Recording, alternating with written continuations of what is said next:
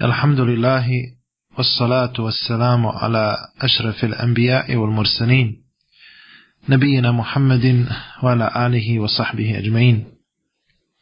Zahvala pripada samo Allahu subhanahu wa ta'ala gospodaru svih svjetova.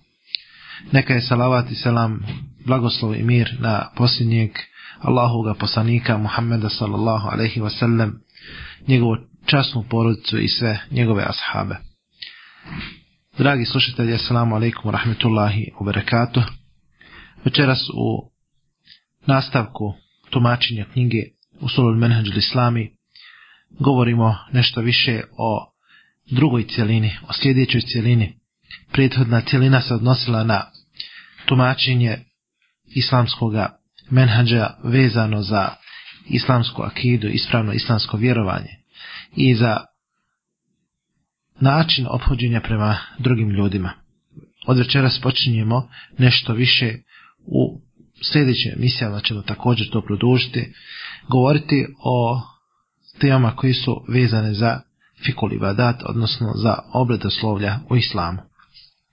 Pa naravno, svako obredoslovlje počinje sa pitanjem tahareta, odnosno čišćenja i znači večeras stavljamo, naslovljavamo temu kao propisi tahareta, čišćenja, propisi vezani za vode, propisi vezani za posuđe i propisi vezani za ostatke vode i za onih koji popiju vodu, bilo da se radi o ljudima ili životinjama.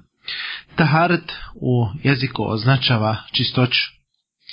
Taharet u šerijetskoj terminologiji označava da se odagna ili da se odigne hades.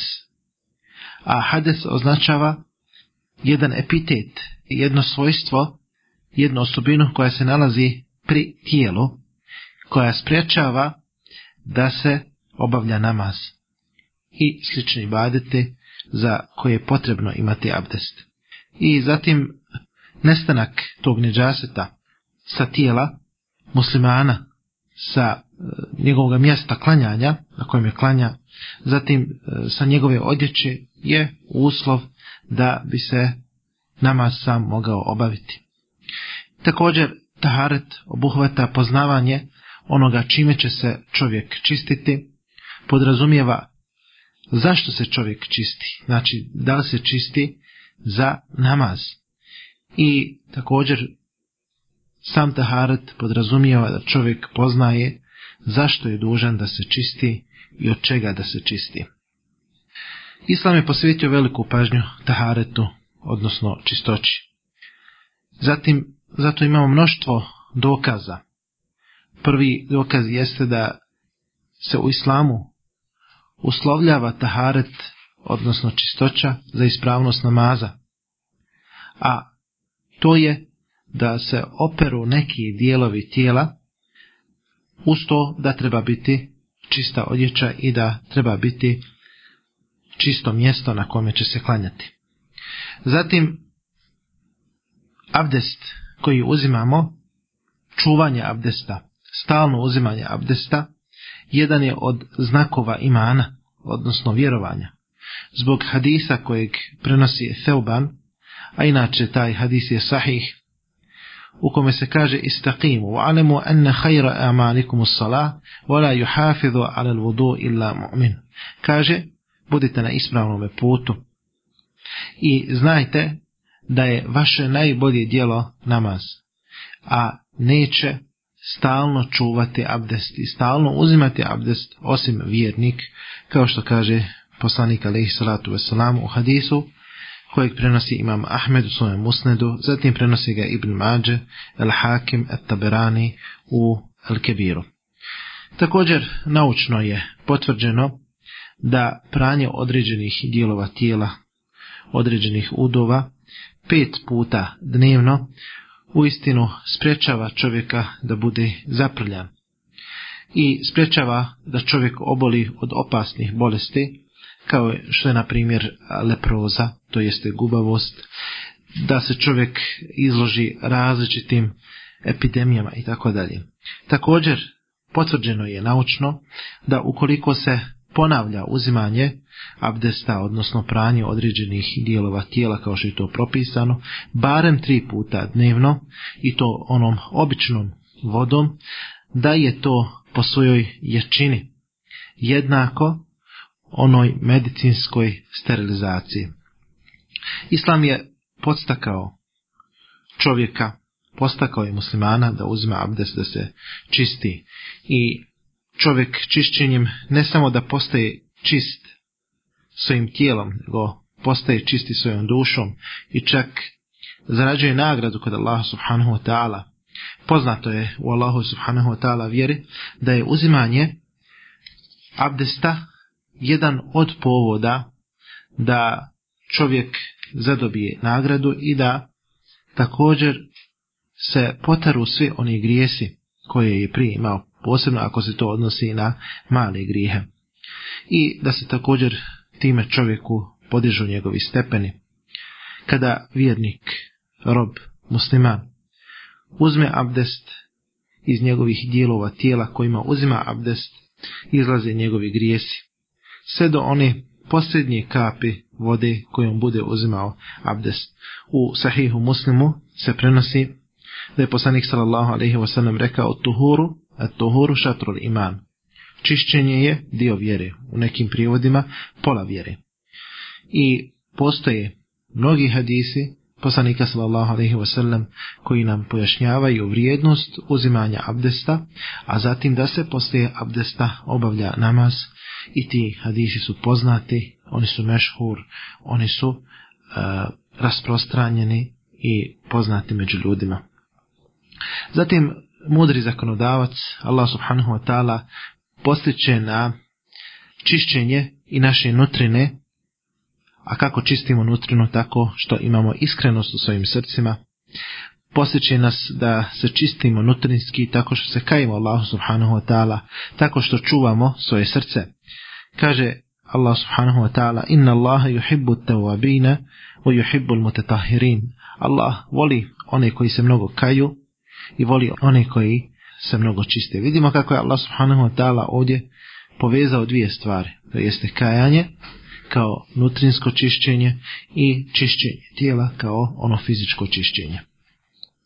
Zatim Islam također posvećuje veliku pažnju čišćenju tijela. Pa je, na primjer, muslimanu propisano, njemu je utemeljeno njegovom vjerom da se okupa petkom i e, to je naslovila velika većina islamskih učenjaka, odnosno pravnika. Također postoji i druge vrste kupanja, druge vrste kupanja koje su pohvale nisu na stepenu obaveznosti. Mudri zakonodavac Allah subhanahu wa ta'ala je propisao upotrebu misvaka radi čišćenja zuba i to je pritvrđeni sunnet poslanika sallallahu alaihi wasallam. Mudri zakonodavac je također postakao da to što češće činimo, to jeste redovno. Pohvalno je da koristimo misvak, to jeste da čistimo zube, ukoliko nemamo svaka to bude četkicom, kada želimo da uzmemo abdest. Prilikom svakog obavljanja namaza, kada se budimo iz sna, kada zubi požute, i učenjaci su spomenuli mnogobrojne koristi misvaka, tako što misvak čisti naša usta, zatim čisti naše nepce, povećava nam nagradu i današnji stručnjaci, medicinari također oporučuju da je lijepo da se uzima misvak, da se koristi misvak jer on sprječava da se zubi iskvare i sprečava različite upale koje se mogu desiti na nepcu i u ustima. Zatim islam postiče da se lijepo oblačimo i da budemo čiste odjeći, da uzimamo ukrase kao što kaže Allah subhanahu wa ta'ala prilikom svakog odlaska u džamiju. To jeste da obučemo najljepšu odjeću kada idemo u džamiju. Zatim se ovo značenje širi da bi obuhvatilo sve ono što je lijepo, što čovjek može obući i što može upotrebljavati, kao što kaže poslanik alaihi salatu wasalam, inna Allahe džemilun juhibbul Allah je lijep i voli ljepotu. I svakako, poslije ovih riječi poslanika sallallahu alaihi u to ulazi i čišćenje naše odjeći, kaže Allah subhanahu wa ta'ala daje naredbu poslaniku sallallahu ve sellem i ti svoju odjeću očisti. Zatim, musliman je dužan da čisti svoje tijelo, da lijepo izgleda, da se suprotstavlja tim svojim postupcima čišćenja nevjernicima, kada kaže poslanik sallallahu ve sellem al fitratu hams الختان والاستحداد وقص الشارب وتقليم الأظافر ونتف pet je osobina koje su čovjeku prirođene po fitri znači kod čovjeka je prirodno urođeno da ima pet osobina prva osobina jeste surnečenje to jeste obrazivanje, zatim uklanjanje dlaka oko stidnih mjesta zatim potkačivanje brkova zatim potkačivanje nokata i uklanjanje dlaka ispod pazuha. Inače, ovaj hadis poslanik alaihi salatu wasalam prenose imame al-Buhari i muslim. Zatim, zakonodavac, mudri zakonodavac Allah subhanahu wa ta'ala je postakao vjednika da uljepšava okolinu, atmosferu u kojoj živi, općenito, generalno, jer poslanik sallallahu alaihi wasallam kaže inna Allahe tajibun juhibbu tajib nazifun juhibbu nadafete kerimun juhibbu l-kerem jawad yuhibbu l-đud فنظفوا أفنيتكم ولا bil باليهود Allah subhanahu wa ta'ala je lijep i voli ljepotu. On je čist i voli čistoću. On je častan i voli čast. On je darežljiv i voli darežljivost, pa onda očistite svoje avlije i nemojte se poistovjećivati i nemojte oponašati one nevjernike.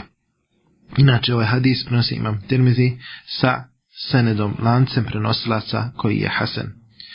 Zatim je također utemeljeno islamom da se čovjek uljepšava, da gleda u ogledalo, da kao što smo rekli, potkraćuje svoje nokte, da potkraćuje svoje brkove i to posebno svakoga petka prije džumi namaza, jer prenosi Imam Begavi u svome musnedu od Abdullah ibn Amra ibn Asa da je rekao da je vjerovjesnik sallallahu alaihi wasallam potkraćivao svoje nokte i svoje brkove svakoga petka. I također je propisno i potvrđeno sunnetom poslanika sallallahu da čovjek uljepšava svoju kosu, da uljepšava svoju bradu tako što će mazati uljem i tako što će lijepo rasporediti svoju kosu, odnosno lijepo se začešljati. Zatim imamo mnogobrojne hadise poslanika sallallahu alejhi koji nam ukazuju da je jedan od sunneta poslanika sallallahu ve wasallam, obaveznih sunneta poslanika sallallahu ve sellem, puštanje brade. Zatim da čovjek kada osjedi, ne dira to svoje sjedilo i da ga ostaje onako kako jest, osim u slučaju da se čovjek oknije, da uzme knu i da onda se prefarba. Međutim, potrebno je da izbjegava da izbjegava crnu boju.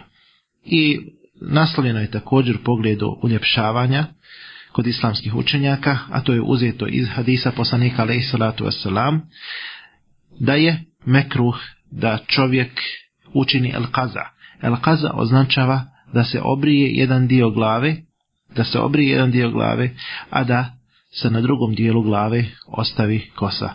Znači, to je zabranjeno, odnosno najmanju ruku pokuđeno kao što je nastavljeno kod islamskih učenjaka i također pokuđeno je da se čovjek tetovira. Kada govorimo pokuđenost, e, znači mislimo na zabranu, da je to haram, zabranjeno je da se e, zatim dotjeruju zubi tako što će se utanjivati, da se otklanjaju obrve i tako dalje. Sada dolazimo do tematike koja je vezana za propise koji se odnose na vodu i čime se čovjek u stvari čisti. Kako čovjek postiže taharet, čistoću? Na taj način što koristi jednu od dvije čisteće stvari. Prva stvar jeste voda, a druga stvar jeste zemlja ukoliko ne postoji voda. I to je nama svima poznato čak iz Mektiva.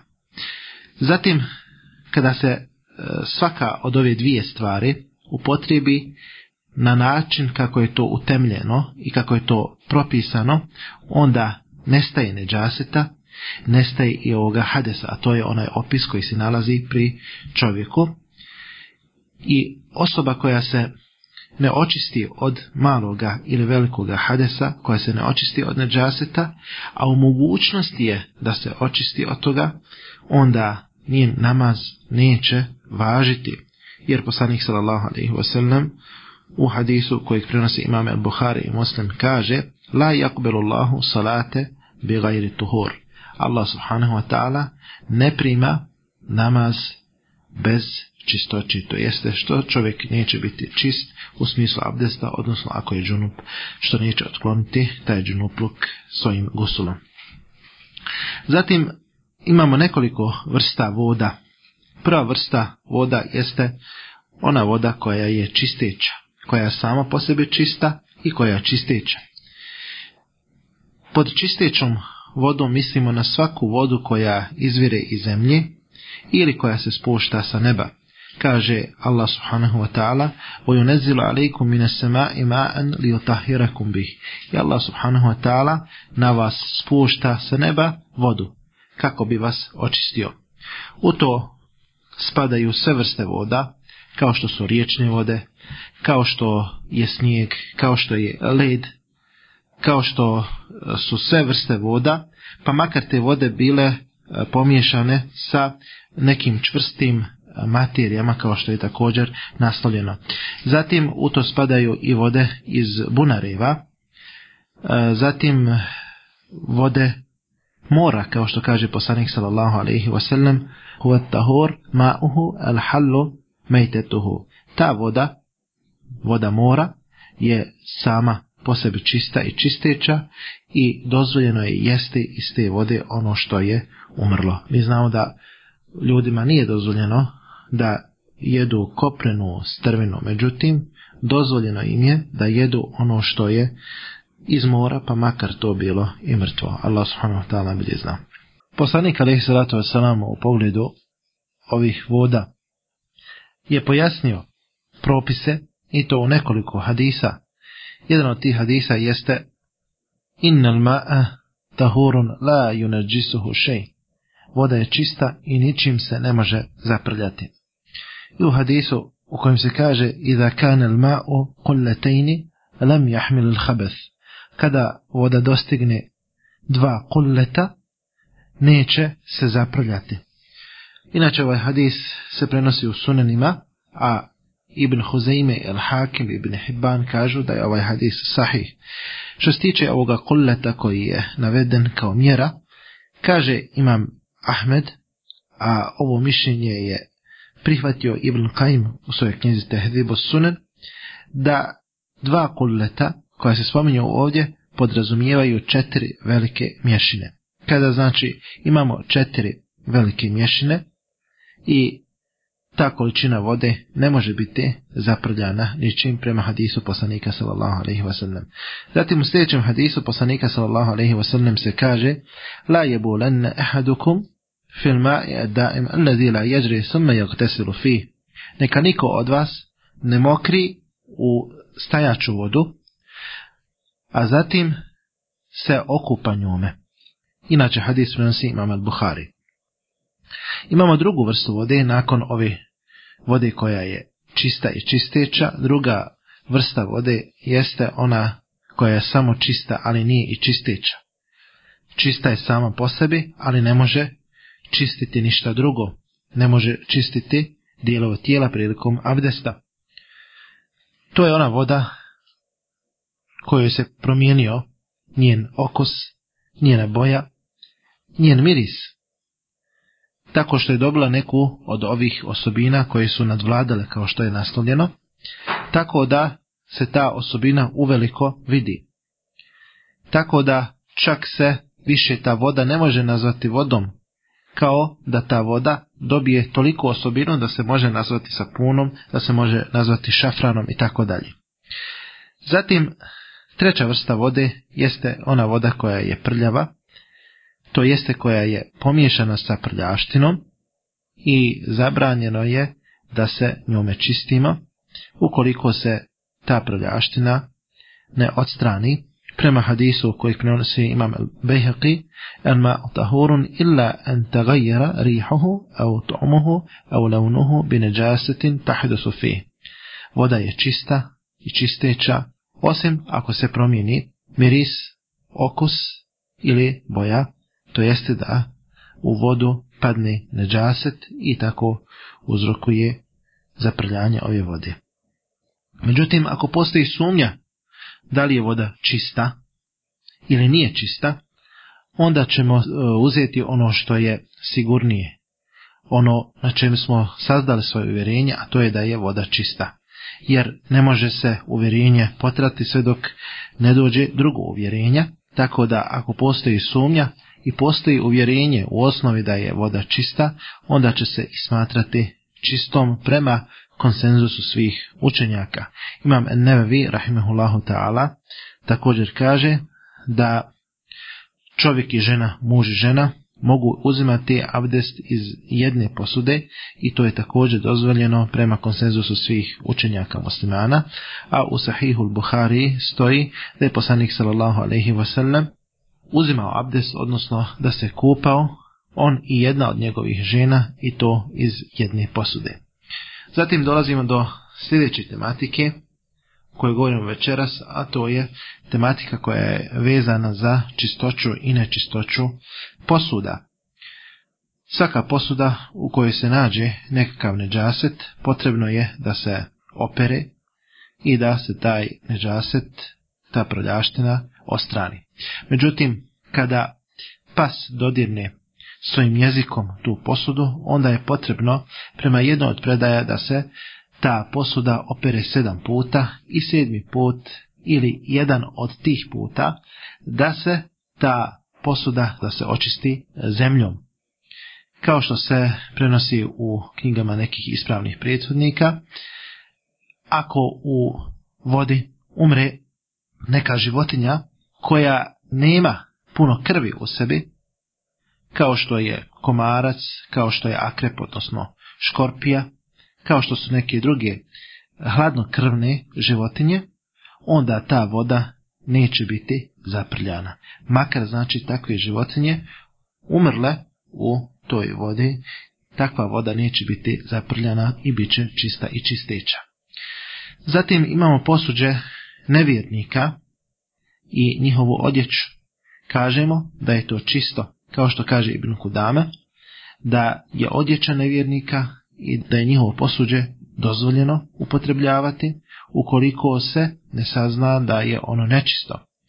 To je pravac svih ispravnih prethodnika i nastavljeno je u mnogim islamskim pravnim školama.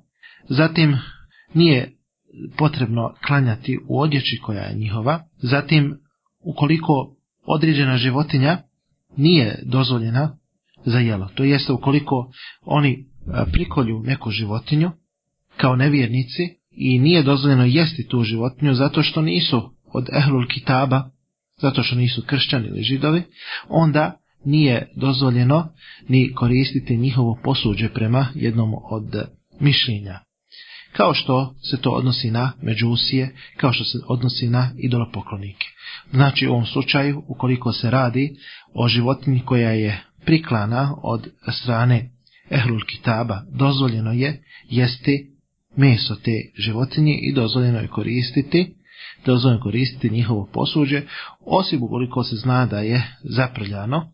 Posebno se to odnosi na zaprljanje svinskim mesom, svinskom mašću, svinskim prerađevinama, od ehlul kitaba. Znači, ako se utvrdi za ehlul kitab da koriste svinsko meso, onda nije dozvoljeno koristiti njihovo posuđe prije nego što se očisti. Zatim imamo pitanje kože umrli životinje. One životinje koja je uginula, koja je u stvari strvina. Pa kažemo ukoliko je u osnovi životinja čista i ukoliko je u osnovi dozvoljena za klanje, u tokom svoga života, onda je dozvoljeno koristiti i kožu te životinje, makar ta životinja bila strvina. Jer poslanik sallallahu alejhi je upitao ljude koji su imali jednu mrtvu ovcu, ela intefatum bi ihabiha, zašto se niste koristili? Zašto se niste koristili kožom te životinje? Pa su rekli inneha mejite, poslaniće Allahu poslaniće, ovo je strvina, ova životinja je umrla, pa je rekao jutahiruha alma, wal kaže, tu kožu će očistiti voda i jedna vrsta određene materije koja se naziva kalz kojim se znači štavi koža. Zatim moramo reći također da kada spominjemo e, sam neđasit, bilo da se radi o nevjerniku, bilo da se radi, mislimo na mušrika u drugom smislu nevjerstva, kažemo da je taj neđaset značinski i da on nije fizički, nego su u osnovi svi ljudi čisti.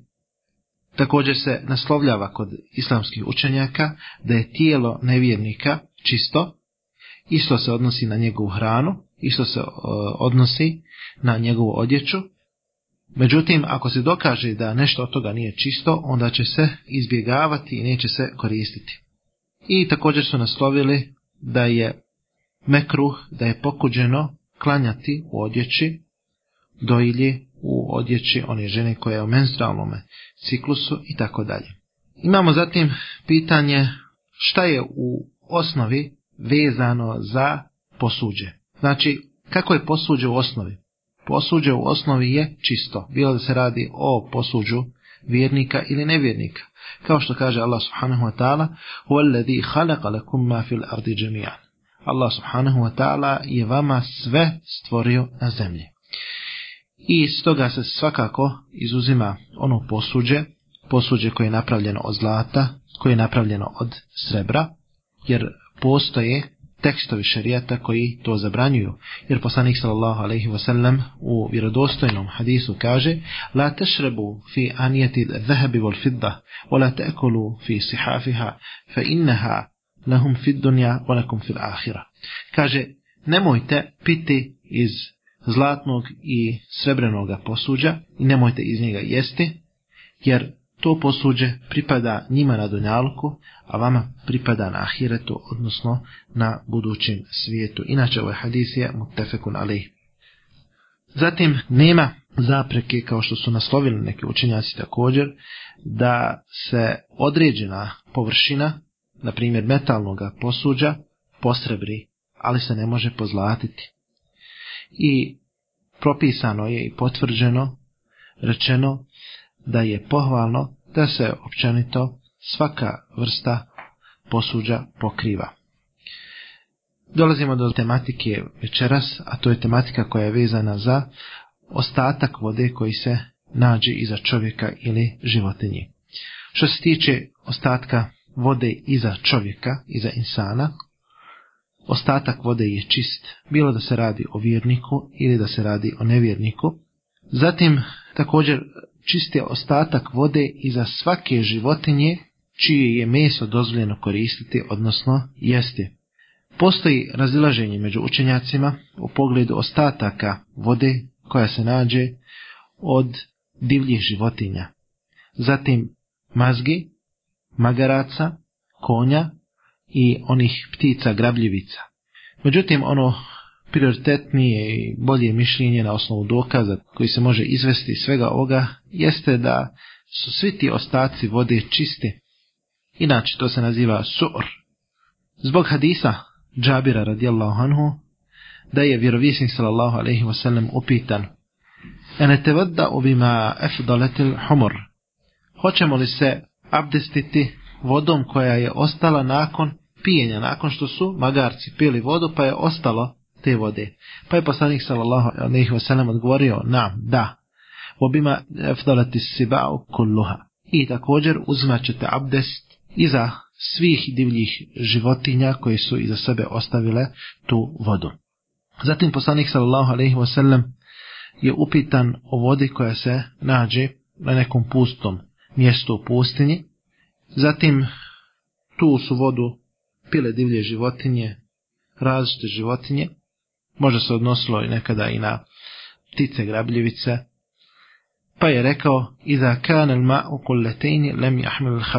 Kao što su spomenuli prethodno hadis kada voda bude u količini dva kulleta, kao što smo rekli, četiri velike mješine, lem jahmil ta voda se ne može zaprljati. Inače, ovaj hadis prenosi peterica, to jeste, prenosi se u sunenima. Zatim, učenjaci su posebno naslovili i izuzeli iz svih ovih ostataka vode i za životinja, ostatak vode one životinje koja se hrani neđasetom, odnosno prljavštinom, pa su rekli da e, sur, odnosno ostatak takve vode nije dozvoljen za korištenje, odnosno za uzimanje abdesta. Također nema razilaženja među islamskim učenjacima da se ne može koristiti voda, ostatak vode i za psa i za svinje, jer postoji sigurni šarijeski dokazi o nečistoće, odnosno prljaštini ovih životinja. Zatim imamo životinje poput mačke i ono što je manje od mačke, pa kaže Ibn Kudame, rahimehullahu ta'ala, osuru lahirreti tahir. Ostatak vode iza mačke je čist, dozvoljen, kao što je to potvrđeno sunnetom poslanika sallallahu alaihi wasallam. A isto se odnosi na ostatke vode onih životinja od kojih se ne možemo sačuvati, koje su manje od mački, kao što smo prethodno spominjali, životinje kao što je komarac, kao što je muha, kao što su čak znači sve životinje koje su po svome stvaranju velike kao mačka ili manje od mačke. Allah subhanahu wa ta'ala najbolje o ovome zna. Sa ovim večeras završavamo, pa ćemo inša Allah ta'ala u sljedećem predavanju govoriti nešto više o propisima, o adabima koji su vezani za obavljanje nužde i koji su vezani za stvari koji su inače same po sebi prljave, odnosno koje se odnose na neđasete. Molim Allah subhanahu wa ta'ala da nam da korisno znanje, molim Allah subhanahu wa ta'ala da budemo od onih koji slušaju najbolji govor i koji slijede ono što je od najboljih govora. Wa ahiru davana alhamdulillahi rabbil alamin wa sallallahu ala rasulna Muhammad wa ala alihi wa sahbihi ajma'in.